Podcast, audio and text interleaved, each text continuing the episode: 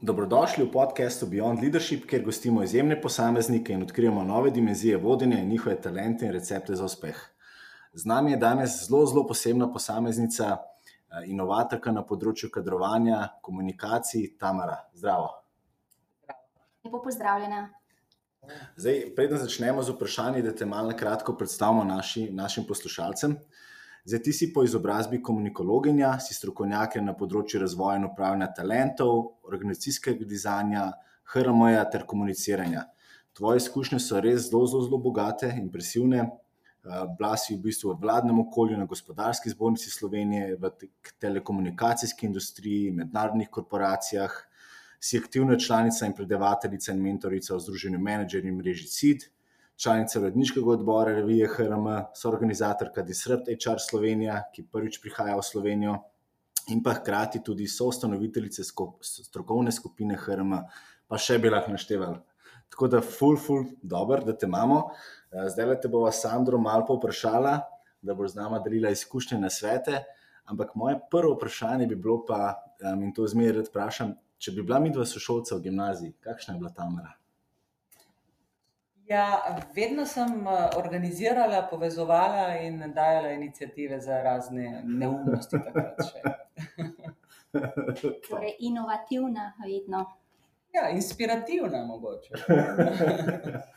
Draga Tamara, za svoje dosežke si prejela številne nagrade, naprimer ProPR, nagrado Kadrovska menedžerka leta v Sloveniji.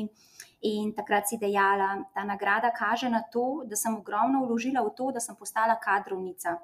Ko sem šla z področja komuniciranja, nisem bila povsem prepričana o sebi. Priznanje mi torej pomeni potrditev, da se da doseči zastavljene cilje. Uh, odmevni so tvoji dosežki na področju korporativnega komuniciranja, projekti povezani z družbeno odgovornostjo, kot je bil Remisli. Tesno si sodelovala tudi z ekonomsko fakulteto, bila si naša gostja, prostovoljka že davno leta 2013 in nagovorila naše študente, zato posebej hvala. Uh, nam poveš, kakšni so občutki o prejemu številnih nagrad? Uh, kot je Marko omenil, bom rekla, v čem si drugačna, da ti je uspelo pridobiti ugled in zaupanje v poslovni praksi in doseči vse te nagrade. Ja, malce skromno se bo slišalo, ampak skromnost je lepa čednost. Meni so, uh, stvari so se dogajale v moji karieri, veliko smo ustvarili, ampak vedno sem, uh, ko je ekipa prišla in rekla, a gremo mi uh, na ta razpis, na recimo Zlato pero, IABC, remisli in tako naprej. Vsakič sem rekla, ne še, nismo še dovolj dosegli. Enako je bilo, ko so me želeli uh, kandidirati za um, HR direktorico leta, eno leto prej sem rekla, nikakor ne dovolim, nisem še tam. Skratka, eno je skromnost, drugo je pa prepričanje, da dejansko imaš nekaj za mhm. pokazati. Enako je s predavanji, enako je, takrat smo delili dobre prakse z ekonomsko fakulteto. Lahko predavaš, lahko deliš dobre prakse, če dejansko imaš res kaj konkretnega za pokazati. Zdaj, tvoja pot je res izjemna.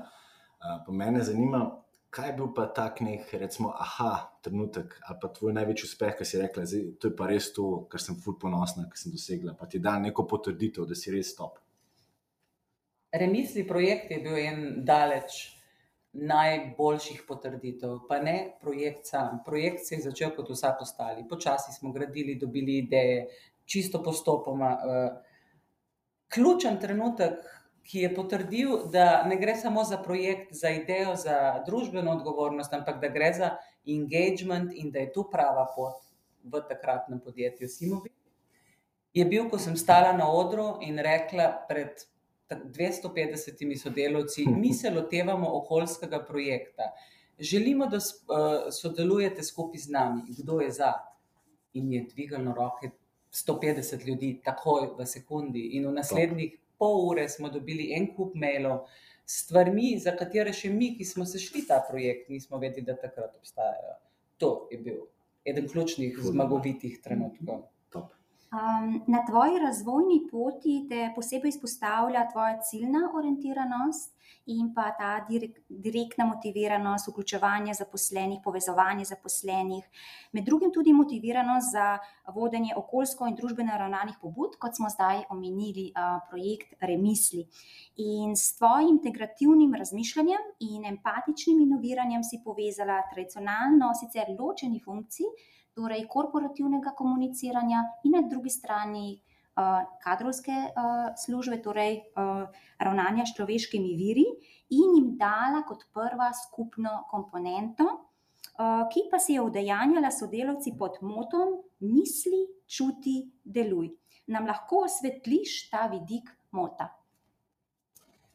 Um, najprej moram povedati, da hvala Bogu, da, je, da so danes dve, da sta danes ti dve funkciji združeni v večini podjetij, uh -huh. to je velik napredek in res. Takrat smo bili prvi, ki smo to naredili. Um, najbolj prodoren posameznik v mojem profesionalnem življenju je bil takratni predsednik uprave Dejan Turk, ki je dejansko me poklical in rekel: Prevzemi HR, delaj vse tako, kot delaš sedaj, in uspelo ti bo. Uh, takrat je bilo, v, v, fu, ne, kaj pa jaz vem o HR-u, ampak točno tale misli, čuti in deluj, deluj pride v tretji zaključni fazi, ampak najprej sem morala predelati, kaj jaz mislim, sploh, kaj to sploh je, potem šele, kako sem začutila to zadevo. Je trajalo nekaj dni, da sem se odločila.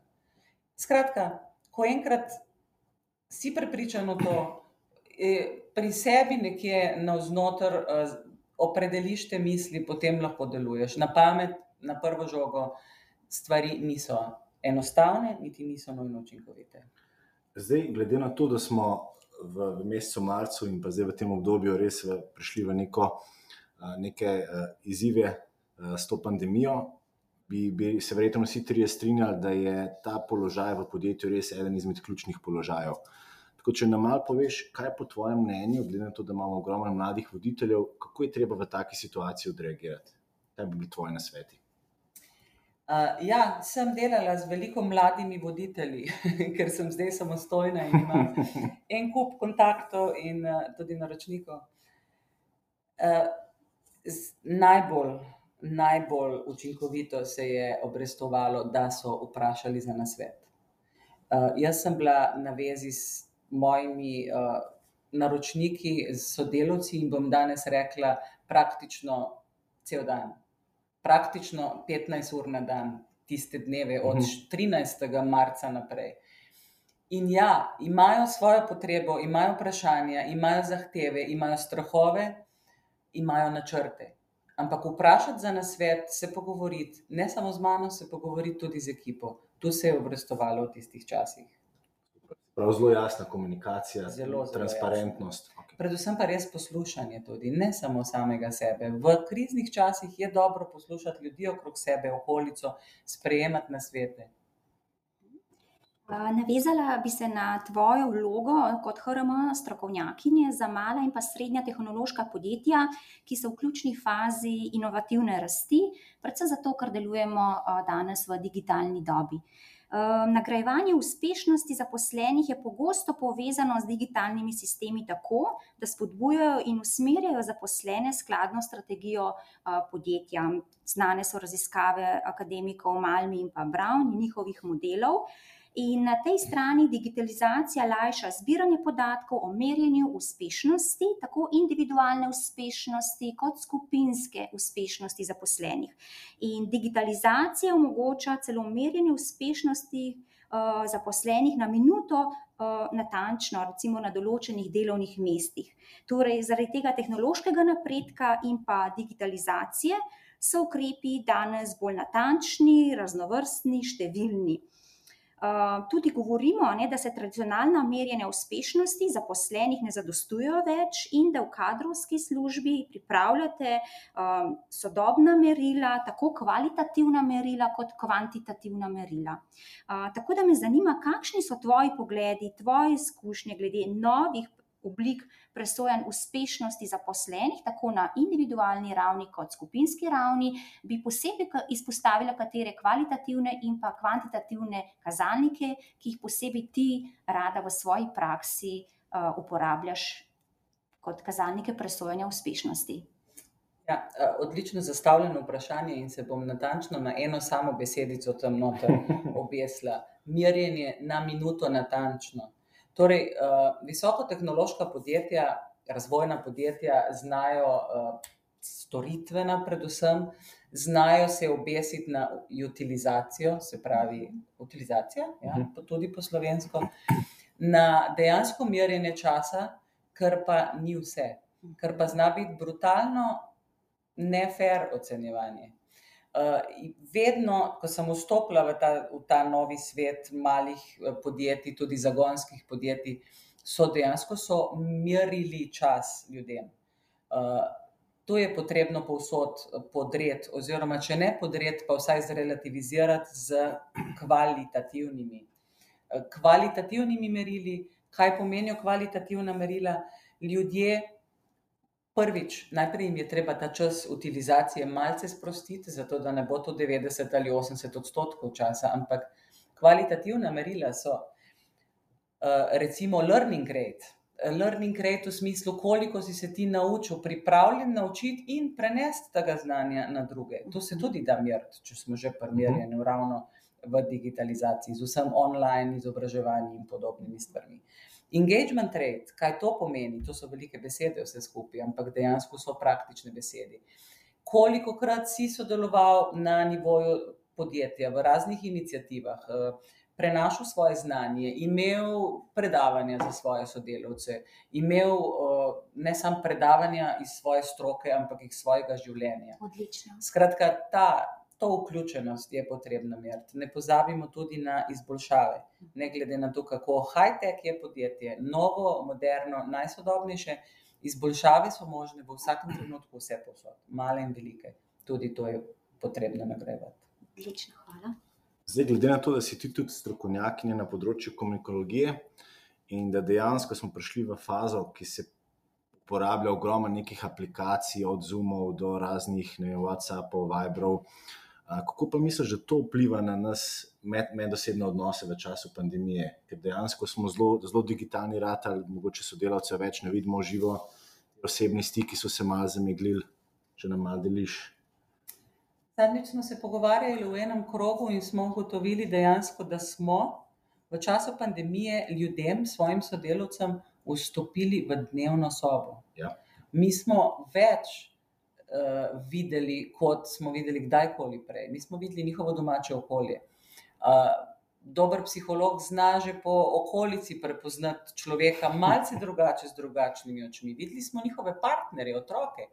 Skratka, ta karantena nas je do določene mere povezala, če smo se znali povezati na način, da smo potem tudi, ko je bilo klica konec, imeli občutek: "Tam pa nekaj ni v redu." Dvignili telefon in potem človeka poklicali še osebno.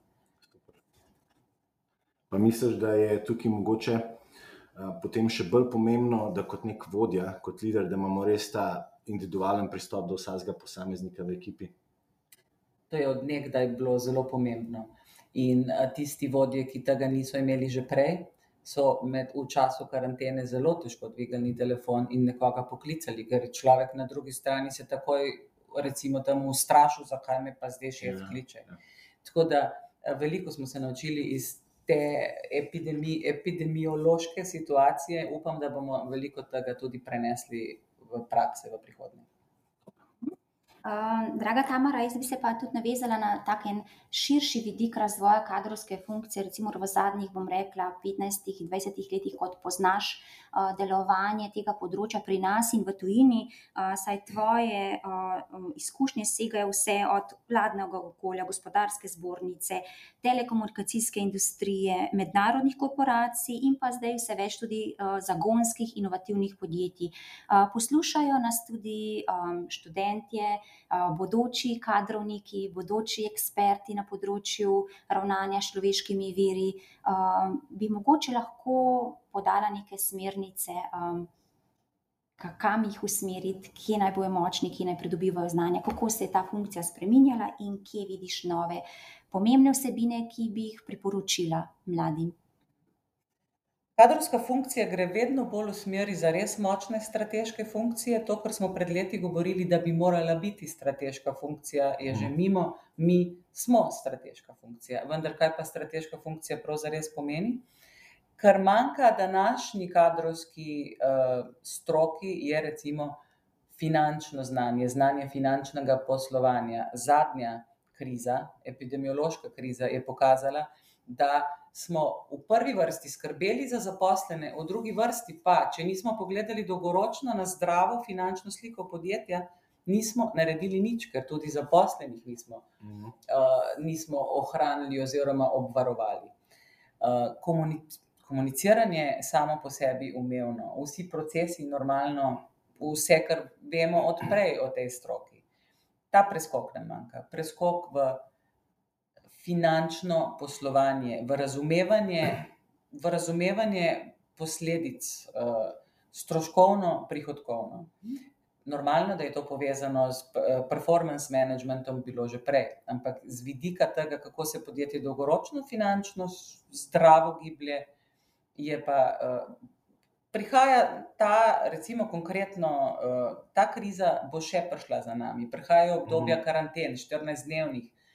V glavnem, eno je psihološka varnost zaposlenih, varnost zaposlitve, komunikacija, fer zaposlitev, dobro okolje, ne pozabimo na zdravje in dobro počutje na delovnem mestu, vse to, to ni nič novega. Poglejmo dolgoročno, poglejmo tudi skozi številke in bomo znali boljše upravljati tudi z našimi sodelavci na dolgi rok. Ja, izpostavljaš torej strateško funkcijo, tudi finančno znanje kadrovnikov, Končno, ja. dejansko pa v praksi vedno rečemo, da je kadrovska služba, je tako imenovano, je srce organizacije. Je srce organizacije, ampak je bila včasih drugačno srce, vsaj pojmovana kot drugačno srce, tisto, ki drži organizacijo pokonci, ki črpa tisto kri, ki se, kroži pol po organizaciji in daje energijo. In organizacijska energija, vse to. Zdaj se je, in tudi Dava Ulricha sem poslušala enkrat v enem webinarju med epidemijo, je ravno ta delček manjkal. Ta delček poznavanja in razumevanja.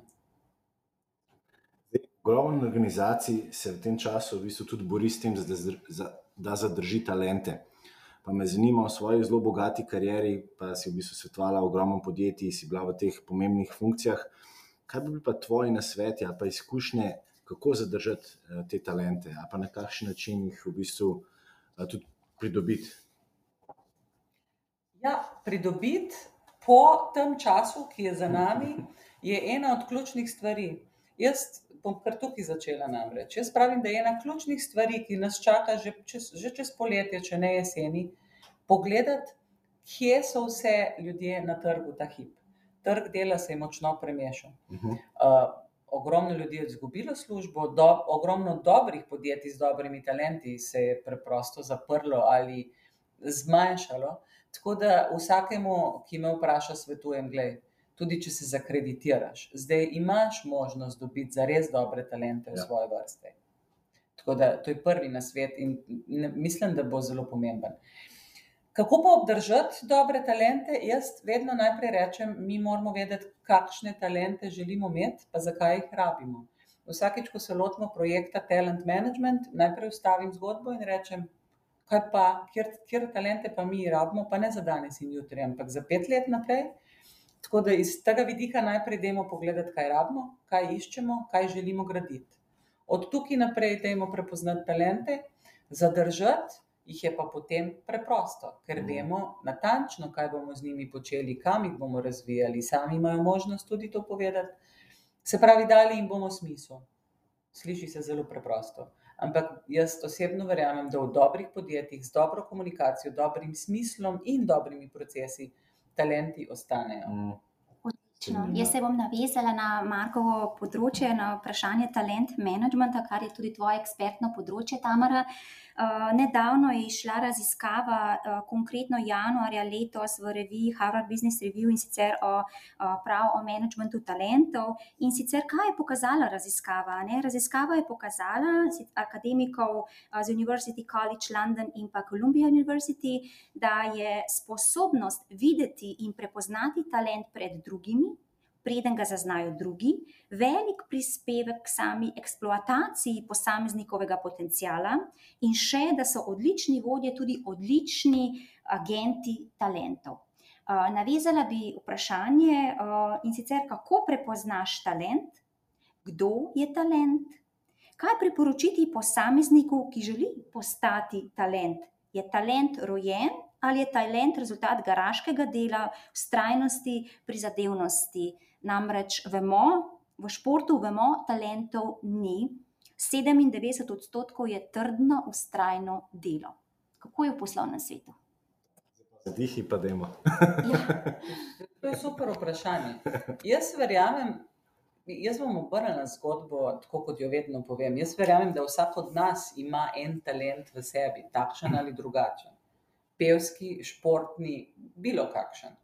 Zato vedno rečem, o kakšnih tako, tako kot sem prej povedal. Potencijal za nadarjenost. Ja, potencijal za nekaj imamo, prepoznati.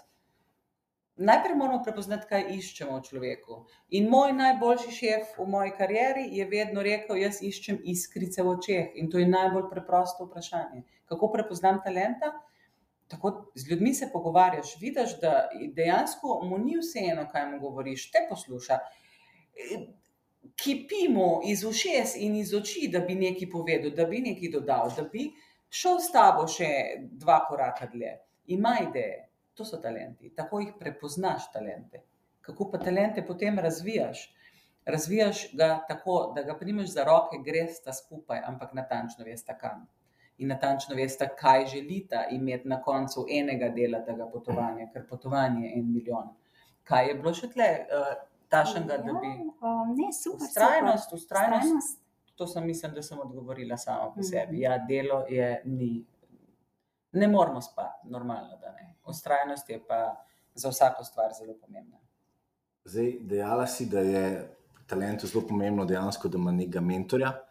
Pa me zanima, a si imela ti v življenju, prej si imela, da si imela enega zelo močnega mentorja, a si jih imela še kršnega, pa koliko so mentorji res dejansko pomembni za nas v razvoju. Ja, ja, jaz sem imela, lahko navedem tri mentorje, tri pomembne ljudi, ne bom rekla mentorje, tri pomembne ljudi v moji karieri. Lahko jih tudi kar poimenujem, da bom lažje obrazložila.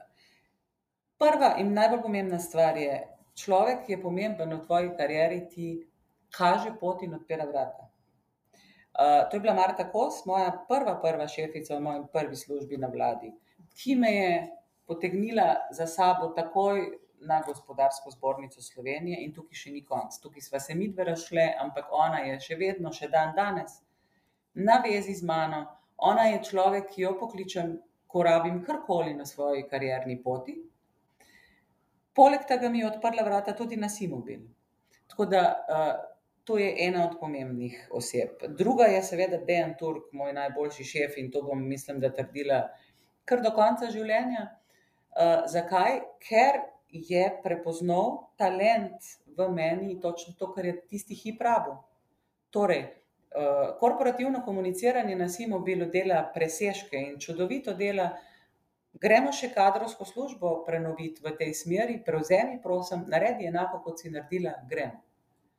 Torej, da mi je odprta vrata in močno podporo, ampak ne podporo nisem rabila njegove pomoči. On je rekel: pet.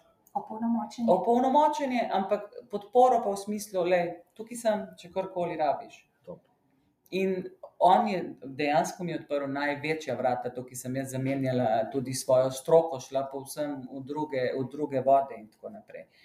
In tretja, zelo pomembna v moji uh, profesionalni karieri, je uh, Nika Del, ki je bila moja kočinja v tistih časih, tudi na že na, na projektu Remisli je sodelovala kot zunanja strokovnjakinja, potem je bila kočinja, zdaj je psihoterapeutka. uh, tudi koča rabiš. Se pravi, mentorja, vodjo, uh, pomembno osebo, uh, verjamem pa, da je ko, da vsakemu profesionalnemu voditelju, osebi, koč uh, zelo prav pride. Uh, um, dotaknila si se tvoje izvršne funkcije korporativnega komuniciranja v Simobilu, torej to je že res uh, vodenje uh, na najvišji ravni. Na kateri pristop vodenja prisegaš v praksi, in pa na katere vrednote, in pa kako definiraš svoj uspeh in kako uspeh drugih. Uh, jaz prisegam na situacijsko vodenje, ne? glede na to, kje smo in kakšne ljudi imamo v ekipi, in na kakšen način, in s kakšnimi prijemi se bomo, bomo te ljudi vodili, oziroma jih tudi spodbujali. Uh, drugo vprašanje je bilo, kako kaj? Kako, kako definiraš uspeh pri sebi in kako pri drugih? Aha, uspeh pri sebi je bil preprost v, v smislu vodenja. To, da imam trdno ekipo, da gremo v isto smer, In eden večjih uspehov, ki je, je ta, da je ta ekipa, več njih je bilo še vedno z mano. Tudi ko nisem več tam, da smo povezani, da, da vemo, kje smo Odlično. in si še vedno pomagamo in povezujemo. Uspeh pri drugih, konkretno pri mojih uh, vodih, ki so mi za zgled, ki sem jih prej naštela, je ta, Uh, uspeh pri drugih je ta, da so ostali nespremenjeni, da so postali avtentični in da so še vedno, ko zdaj poslušam svojega bivšega šefa, še vedno govori enake stvari, še vedno na enak način vodi in je ostal zvest sam sebi. Kako bi pa rekla, da se je pa tvoj stil vodenja spremenil skozi svojo kariero? Ja, močno, močno. Dejansko sem se učila vsak dan voditi. Jaz sem bila uh, močan kontrol freak. jaz sem bila tudi v fazi, ko sem mislila, da se vse prepočasi odvija, da sem jaz edina, ki lahko stvari premakne naprej. Jaz sem eh, bila neučakana. Jaz sem ekipi rekla, da še nismo, no, bom, bom pa jaz. Skratka, uh, moja vrhunska ekipa v tistih časih se še danes smeji na ta račun. Tamara bo vse sama in moja vrhunska ekipa je zaslužna, da sem jaz zrasla kot vodja. Mi smo imeli tako dobre odnose, da so mi dejansko povedali: Le, ne moreš sama. Na dopust greš in odklopi se, vse bo v redu, zaupaj nam. Skratka, ja. kako lepo. Lahko bi prebrala milijon teorij o vodenju, bila sem na en kup šolanih, ampak jaz sem poslušala ljudi okrog sebe, ki so mi pokazali moje pomankljivosti in pomagali, da sem zrasla tudi kot vodja. Odlično. Draga Tamara, omenila si tvojo ekipo, kadrovsko ekipo in še zdaj ohranjate. Uh, Rekla, odnose, sodelujete. Kako si dejansko kadrovski eksperti med seboj pomagate, kako vzdržujete stike, odkje pridobivaš nova znanja, glede na to, ne, da si aktivna članica, predavateljica, mentorica v Združenju SID, članica uredniškega odbora revije HRM in pa organizatorka tudi več uh, ključnih dogodkov, tako na kadrovskem področju, kot tudi korporativnem komuniciranju. Torej, um, kako si med seboj pomagate? Omenila si pa že, da ste stalno v stiku, kako vzdržujete te odnose na dnevni ravni, so to mogoče SMS-i, um, mediji, telefonski klici. Aha, z mojimi bivšimi ekipami mi natančno vemo, kje se kdo nahaja. Najmanj enkrat do dvakrat na leto se dobimo z različnimi teh ekip. Uh, ker se poznamo in si zaupamo, je tudi klic, priporočilo, vprašanje vedno na mestu in vedno vem, da ga lahko postavim in bom dobila relevantne odgovore. Kako pa se povezujemo na uh, HR-ovci v Sloveniji med sabo, je pa drugo vprašanje.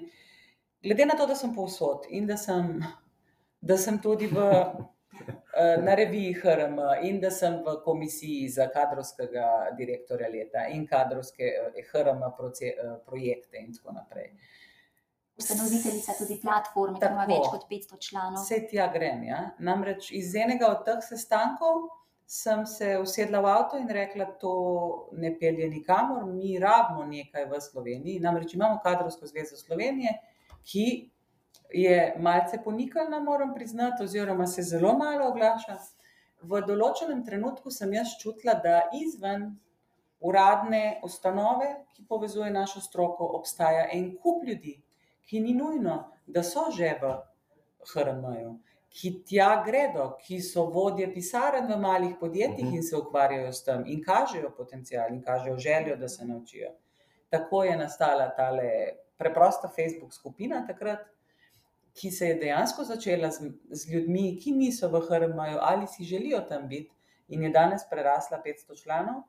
Tam je ogromno se dogaja, ogromno je vprašanj, odgovorov, nasvetov, uh, strokovnih člankov, izobraževanj. Tako da jaz verjamem v taka povezovanja. Za izjemen doprinos. Res. Hvala, na to sem res ponosna, kar se je zgodilo iz te ekipe. Predala sem jo zdaj mlajši ekipi, sem še vedno zraven, ampak uh, tri so se mi javili tam, od prvih ustanovnih članov. Eh, mlada, sveža moč, tako da sem ponosna tudi na to, da imamo svežo ekipo. Naslednike. Ja, torej tudi ja. nasledstvo je del kadrovskega področja, poskrbeti za naslednike. Čestitke tudi z moje strani, ker tudi jaz sem en izmed članov in vem, da ogromno podatkov sem tam predelil, da vse te tudi pokličem. Eh, mene pa, mene pa zanima, um, ti si ogromen ekip že vodila. Kaj pa pri tebi pomembno, ko postavljaš neko ekipo? Kakšne lastnosti iščeš? Ja, ponavadi iščem tisto, česar v ekipi še nimamo. Osebnostno in po znanju in kompetencah, normalno. Vedno, vedno gremo v smeri, ok, poglejmo, kdo smo mi. Manjka nam še nekdo, ki bi mogoče malo bolj jezikov ali pa malo manj jezikov, šalim se. Skratka, iščemo naša nasprotja. No. Ja. Pa po znanju enako, normalno vrzeli. Kako se ti pa zdi, da v Sloveniji Jaz sem tudi zelo vesel, da prihaja v bistvu ta mogoče mindshift, da dejansko se če dalje več povezujemo, delimo znanje. Kako se ti zdi, da, da je to pomembno, da priznamo sami pri sebi, da določenih znanj nimamo in da imamo napake, in da potem skozi ekipo zgradimo svojo, v bistvu, to, ta ekosistem znanja znotraj podjetja? To je ključnega pomena za kakršen koli uspeh, osebni ali poklicni. Nismo pojedli vsega znanja tega sveta. Nihče ga ni. Ja, Um, navezala bi se tudi na eno tvoje raziskovalno področje, torej na uh, oblikovanje organizacijskih kultur, kjer si vedno gradila na tem, da se oblikujejo tako, da se uh, povezuje posameznike k učinkovitosti. Uh, zanimiva je ta raziskava raziskovalcev leta 2017, ki so ugotovili, da kadrovske prakse, um, kar 87 odstotkov vodi iz kadrovske prakse, poročalo, da recimo za ocenjevanje individualne uspešnosti poteka recimo enkrat ali dvakrat letno to ocenjevanje na letni ravni. Um, pa me zanimajo tvoje izkušnje. Meniš, da je tak pristop k letnemu ocenovanju dovolj uh, zanesljiv, kakšni so trendi na tem področju? Uh, vemo, da uspešna so tista podjetja, ki določajo jasne cilje ter pravočasno zagotavljajo povratne informacije svojim zaposlenim. Ja, cilji morajo biti jasni, zdaj odvisno je od organizacije, od podjetja, kak, na kakšen rok so cilji postavljeni. Se pravi, če so to storitvena, bolj fleksibilna podjetja so kvartalni cilji zaželjeni, drugače ponekod se je težko postaviti tudi polletne cilje, ampak so to letni cilji. In ta del pogovora, ki je povezan z doseganjem ciljev, mora biti vezan na cilje in na postavljanje ciljev, se pravi na uh, time frame, kdaj se cilje. Kakšne so pa spremembe pri tem time frameu? So še aktualni letni razgovori. Vemo, da so številne kritike, da to ni dovolj, da morajo biti te povratne zanke mnogo hitrejše. Ja, povratne zanke morajo biti praktično dnevne, če ne tedenske, ampak so povratne zanke, ene so glede ciljev, doseganja ciljev, druge so glede dela, pričakovanj, tretje so glede osebnega počutja v ekipi, praktično glede na spremembe, ki se dogajajo. Zato sem pa tako začela. Tam, kjer se veže na enoletne cilje, je normalno še vedno na mestu tudi, ponavljam, tudi letni pogovor. Tam, kjer so kvartalni, mora biti kvartalni pogovor. Cilji morajo biti jasni, znani in potem tudi povratna informacija o cilju in o doseganju in kako in zakaj je dosežen. Ko pa govorimo o ostalih razgovorih, pogovorih z sodelavci, je pa tukaj en kup drugih pogovorov ena na ena so zelo uh, popularni postali, ena na ena se mora zgoditi enkrat na 14 dni. Se pravi, za res dvojica, kratko, jedrnato, ampak ta ena na ena pelje v, v smeri, kako si, si v redu, ali vse ok, zmoremo, razumemo pričakovanja, doseganje in tako naprej. Ne ciljev dolgoročnih, ampak dejansko operativnega dela in počutja in v tistem obdobju. Potem imamo lahko kvartalne, ampak lahko imamo razvojne pogovore ali karierne pogovore, to jaz strogo ločujem. Tako da pogovorov je en kup, odvisno je od organizacije same, kako jih bo poimenovala, kar je ključnega pomena, ker ljudje morajo razumeti, zakaj ti pogovori sploh so in zakaj so vabljeni na pogovore in kako pogosto oziroma v kakšnih intervalih jih bo izvajala. Ponavljam pa še enkrat, niso vsi pogovori s sodelavci vezani na cilje, doseganje ciljev ali nagrade. Zdaj, ogromno si že dosegla, tako da jaz bi se pa malo dotaknil izzivov oziroma neuspehov, ki pridejo v tvoje življenje, ker vsi jih imamo in se mi zdi, da takrat dejansko oseba največ zraste. Pa če nam mogoče lahko deliš kakšen tak izziv, ki si ga ti imela v življenju in kako si se ga lotila, kaj so bile tvoje neke ugotovitve? Ja, več izzivov sem imela v življenje, v življenju, nekaj, česar nista povedala o meni, je, da sem eno leto med Gospodarsko zbornico in Simobilom bila osebna svetovalka gospoda Ivana Zidarja. top. kar ne morem reči, da je bil, da je bila napaka, bil pa je neuspeh, normalno. Ker si pač preprosto sem bila onemogočena, da bi delovala v skladu s svojimi etičnimi standardi in svojo stroko takrat komunikacije. naučila sem se veliko iz tega in dobro, ne bi ravno ponovila tega leta, ampak ne bi pa rekla, da je bil to, da je bila to napaka, da sem tam bila oziroma da je to meni škodovalo. Ravno zato, ker sem se povlekla zelo hitro ven, pravočasno ugotovila, za kaj gre, in ohranila svojo integriteto. To je bila ena prvih. Znotraj svojega vodenja v kasnejših časih sem parkrat se odločila o napačnih mislim, sprejela napačne odločitve glede sodelavcev, ki sem jih morala tudi dokaj hitro odpraviti, ker so vplivali tudi na ekipo.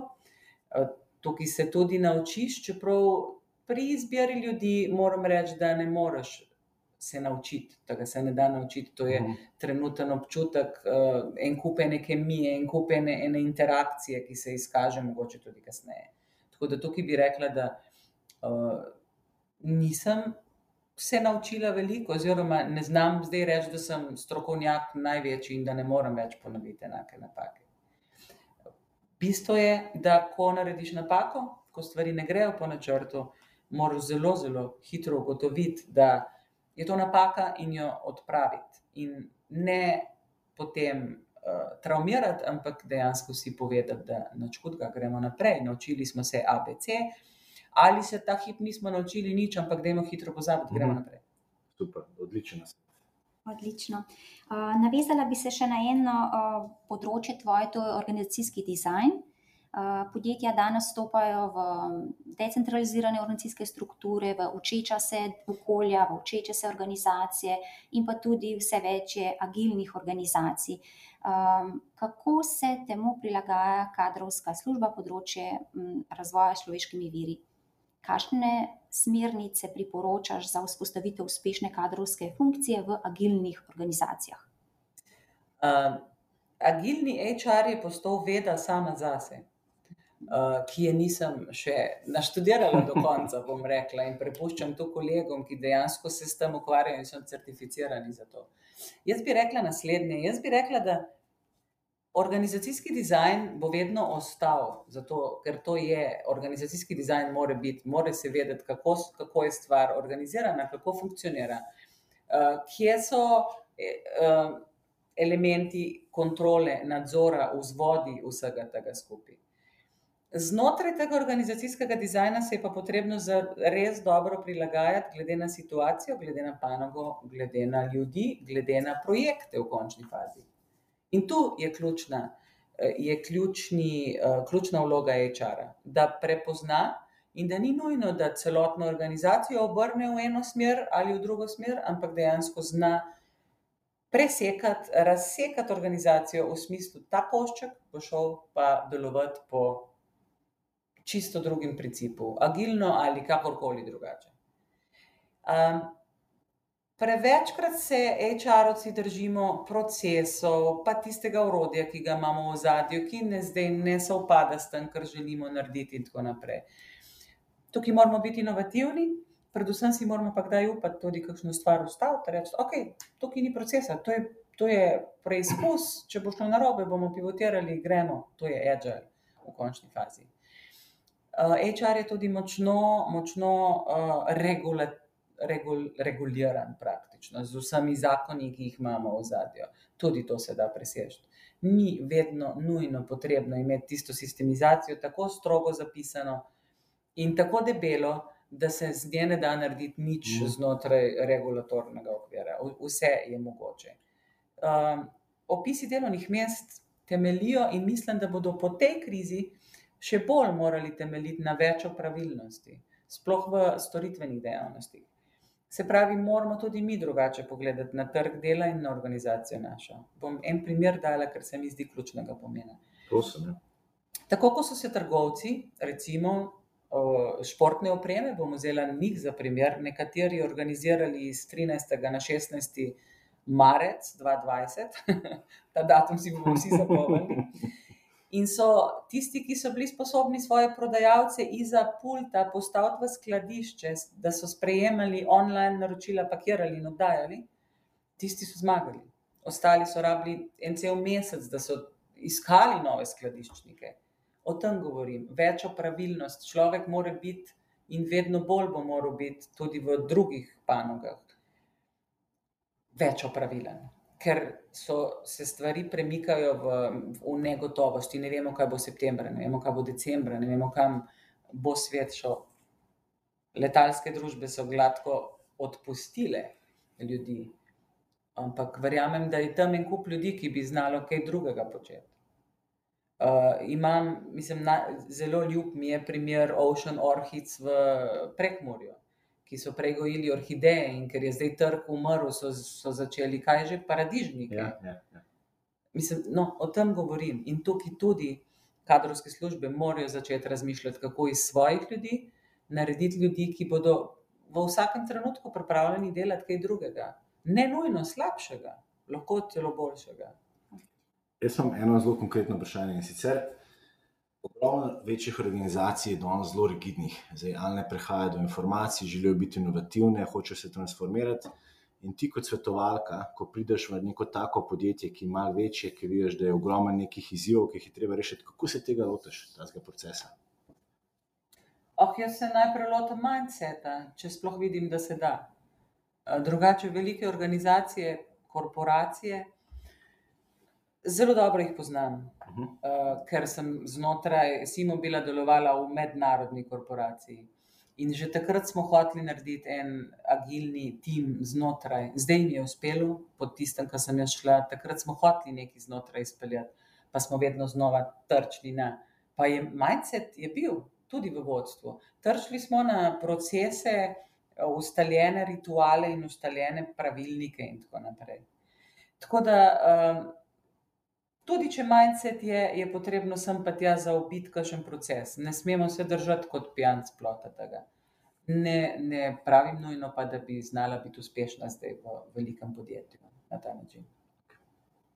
Um, eno vprašanje me zanima, uh, če bi lahko komentirala ugotovitve te raziskave, kakšen je tvoj pogled. Uh, In sicer gre za raziskavo študije eh, Julije Miller, eh, profesorice z Univerze Leipzig eh, iz Nemčije iz leta 2018, objavljena je bila tudi v reviji Harvard Business Review.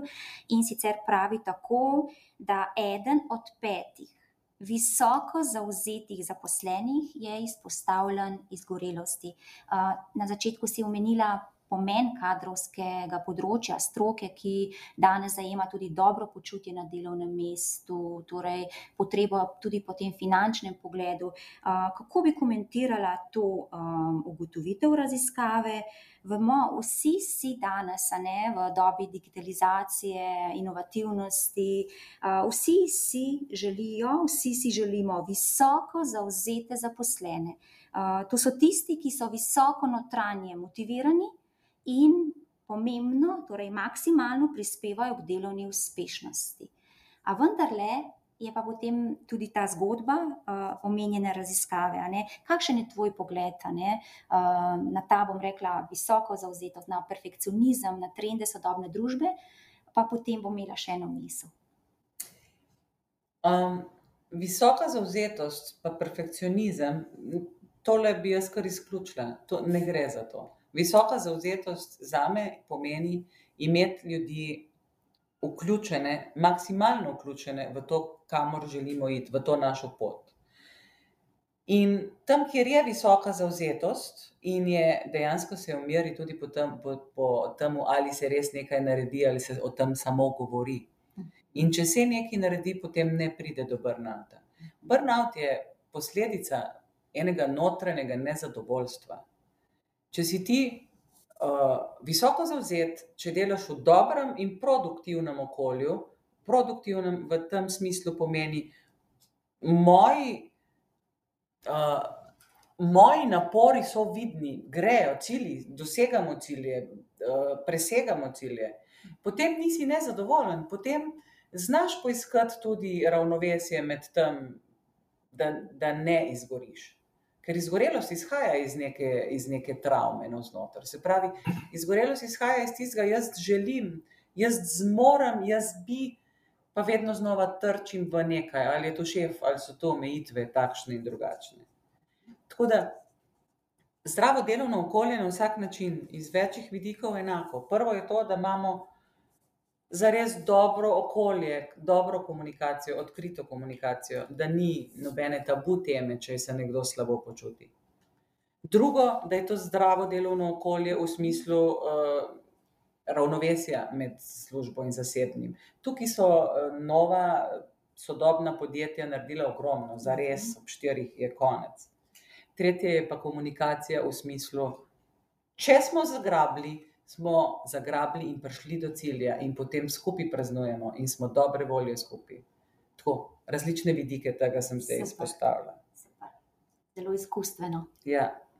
Mene zanima, kako pa opažaš kaj v Sloveniji ta trend employee wellbeinga? Se mi zdi, da ogromno korporacij v Sloveniji ali pa tudi manjših podjetij gre zdaj v to smer, recimo Googla, Facebooka, da imajo zaposleni brezalkoholne pijače, razne healthy snacke, sadje. Kako je to pri nas kaj v, v, v porastu? Ja, to je, to je že kar povsod praktično bilo vzpostavljeno v tem startup svetu pa high-tech podjetjih. v drugo smer gre zdaj ta employee wellbeing, z raznimi, health hacking, pa ne vem, genetska testiranja, skratka, podjetja na dolgi rok pomagajo svojim zaposlenim z dolgoročnejšim wellbeingom, praktično health beingom, no. to je zdaj v, v svetu in v Evropi postal trend, ne. Tukaj bi se pa navezala na ta, vidik, dobrega počutja na delovnem mestu in pa, hkrati trenda digitalizacije, in pa dela od doma, s katerim se vse bolj soočamo in smo del, te oblike dela. citirala bi rada citat uglednega profesorja doktorja Mateja Černeta o digitalizaciji dela, ki pravi: "Delati rad, a delati ves čas in biti neprestano dosegljiv, je paradoks, ki je absurden." Drži. To se je zdaj pokazalo v mislim, takole je, bom šla nazaj k visoko zavzetim. Visoko zavzeti ljudje ponavadi imajo občutek, da morajo biti ves čas dosegljivi. ker so zavzeti, ker želijo, da se stvari dogajajo, da se, da se spremenijo. tukaj je spet na vodji, da pove: "Glejte, ne, ni potrebno odgovarjati na moje klice oziroma klicev sploh ni, upam, če je dober vodja, ampak na moje maile preko vikenda, v redu je, če odgovorite v ponedeljek, jaz pač pišem čez vikend, ne skrbite." Ja. To je bil, to je bila moja praksa. V času dela od doma in karantene se je pa pokazalo, da smo izgubili, popolnoma izgubili kompas za čas in prostor. In smo med kosili, med kuhanjem kosil, med domačimi nalogami in do devetih, desetih zvečer dvigovali telefone.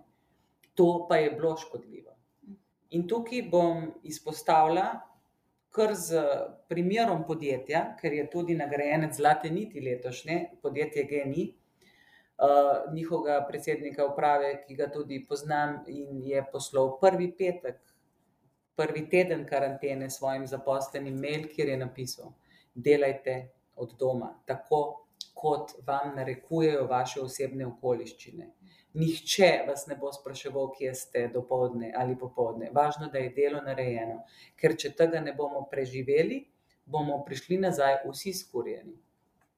Ta se mi je zdela, prav poslal mi je ta mail in to je, nekaj velikega, kar je bil sposoben narediti predsednik uprave takšnega podjetja.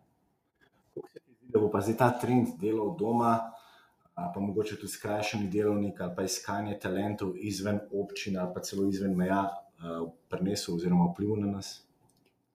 Jaz si želim, da bi močno vplival, jaz imam celo željo, da bi se zagnal en dialog tega bolj humanega dela, v smislu delaj od kjerkoli, delaj manj in delaj bolj kakovostno.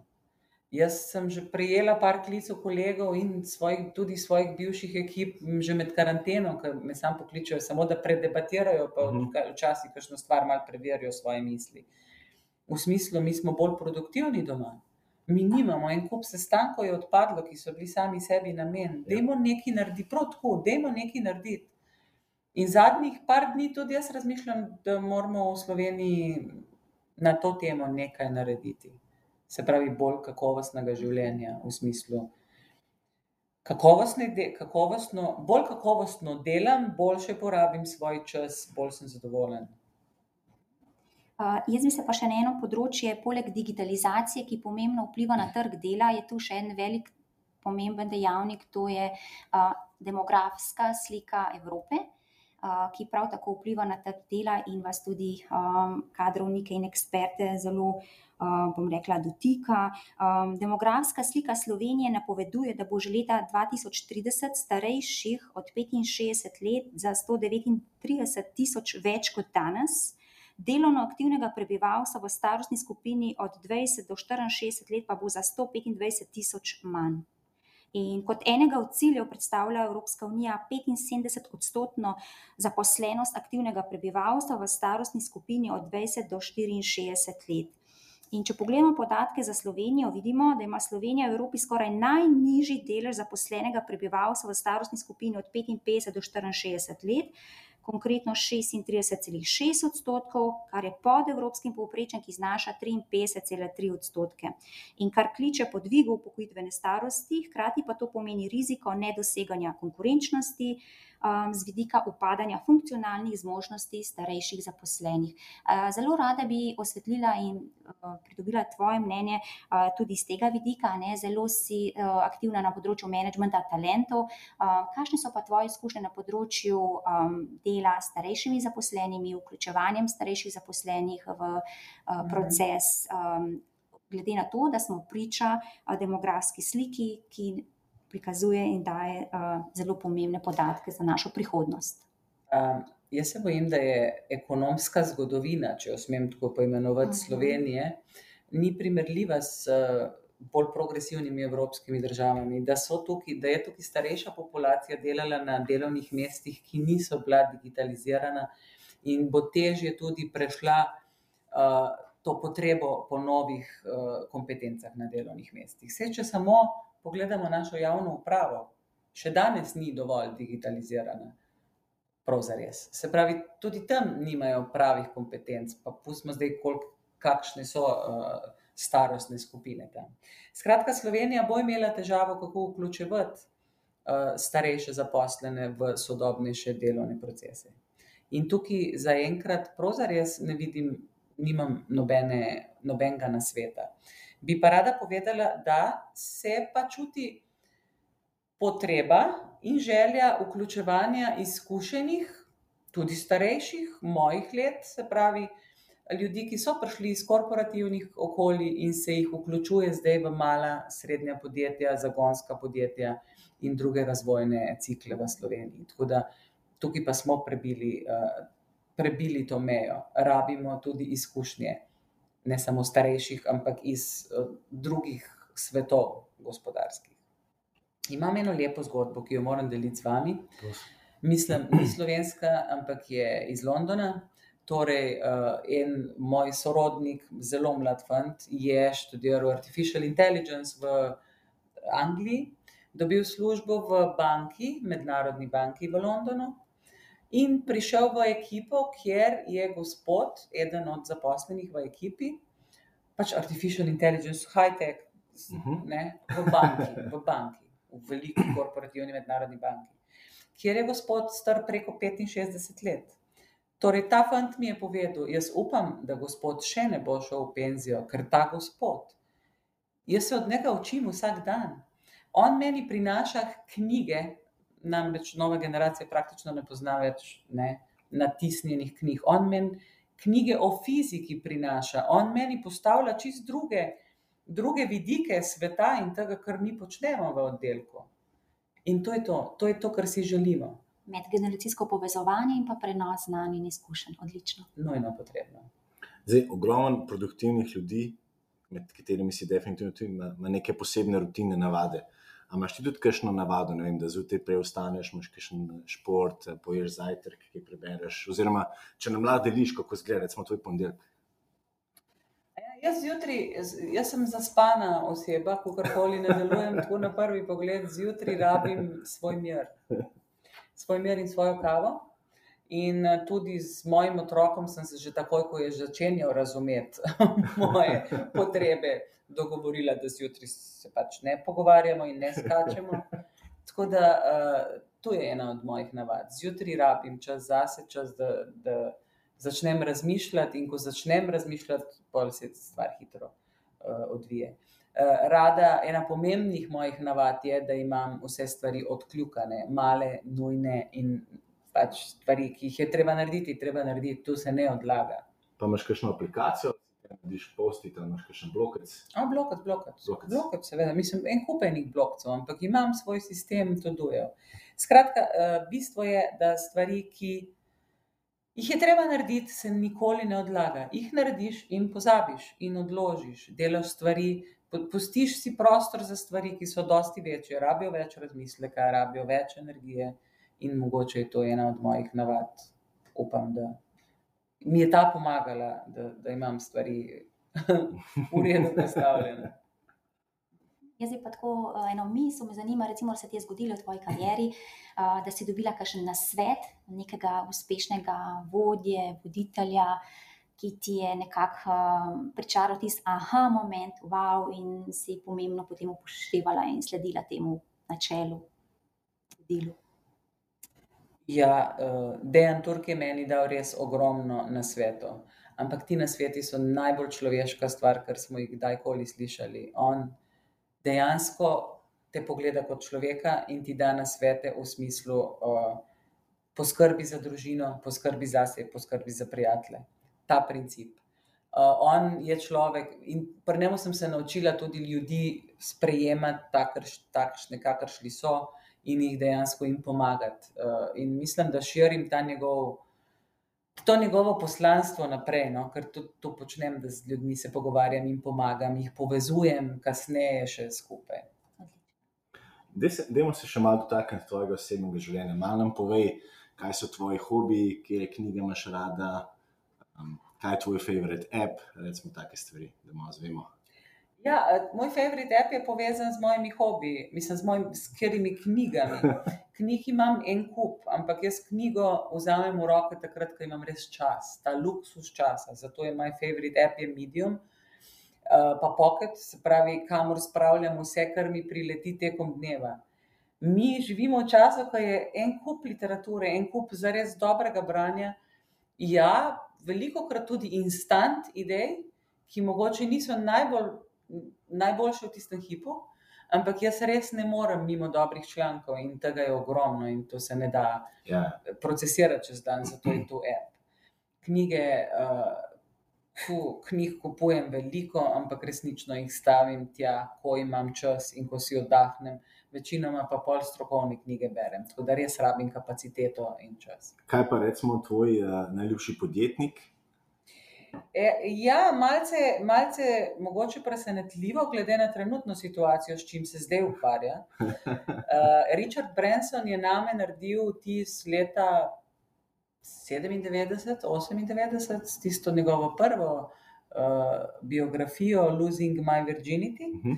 Ampak zakaj? Zato, ker sem bila takrat na Simobilu, ki se je boril proti velikemu inkumbentu in državi in vsej regulativi in tole, kar sem, kar sem brala z njegovim Virgin Airlines v bitki z British Airlines in državo in tako naprej mi je takrat odprlo vsa obzorja in sem prišla do vseh šefov takrat na Simobilu.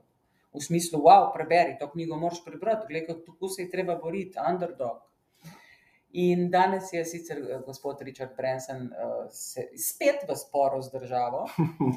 In uh, zaradi Virgin Airlines, normalno, in uh, želi uh, malce finančnih, državnih finančnih sredstev, pa ga si rad ni priljubljen več med ljudmi na ta način, ampak glede na svoj imperij in vse, kar je postavil in dosegel, jaz z veseljem pričakujem njegovo tretjo biografijo. Jaz verjamem, da bo še kaj zakuhal. Kaj pa, kakšni tvoji hobiji, kaj počneš za sprostitev, za stres management, kot danes radi pravimo? jaz rada kolesarim. Tale, to mi je nekaj tašnega, da res lahko odklopiš glavo in uh, gledaš okrog in uživaš v naravi, pa zraven še malo migaš. Pa hodim, trekking, pohodne palce, gremo akcija. Rabim, nisem najbolj športni tip, rabim seveda gibanje, ampak rabim gibanje, da lahko tudi svoje možgane sprostim in jih peljem druga. To je to. Je to. Super. Draga Tamara, bi lahko pa osvetlila, pa strnila zdaj, kateri so tvoji trije nauki uh, za naše poslušalce skupine Beyond Leadership? Ja, ene parkrat sem že povedala, da mora vodja biti avtentičen. Avtentičen, vedno mora biti avtentičen in to, točno to, kar je, to naj bo tudi pred svojimi ljudmi. To je en mojih glavnih nasvetov, s komerkoli se pogovarjam. Um, druga je poslušanje ne samo vodja, mi vsi se moramo poslušati, vodja mora pa znati poslušati srcem. Zakaj srcem? Zato, ker mora potem tudi odreagirati srcem, pomagati srcem in ljudi usmerjati, jih učiti enako s srcem, ne pa zaradi dosege nekega drugega cilja. In to, kar jaz uh, znam biti, predvsej stroga, uh, je bodi vzor, bodi role model. Vodja mora biti vzor z vsem, kar počne. Tudi v svojem privatnem življenju, tudi v svojem izražanju, v svojem načinu obnašanja, vedno mora biti vzor, drugače ni vodja. Tamar, jaz bi se ti v imenu skupine Beyond Leadership eh, zahvalil za tvoj čas, izkušnje na svete. Tako da hvala, ker si bila danes z nami. Iskrena hvala in želimo ti še veliko, veliko uspehov, tako na osebnem področju, in pa tudi na tvojem strokovnem uh, področju. Tako da samo ostani kot si in samo tako naprej. Hvala tudi vama, je bil zelo dinamičen pogovor. Hvala. Super.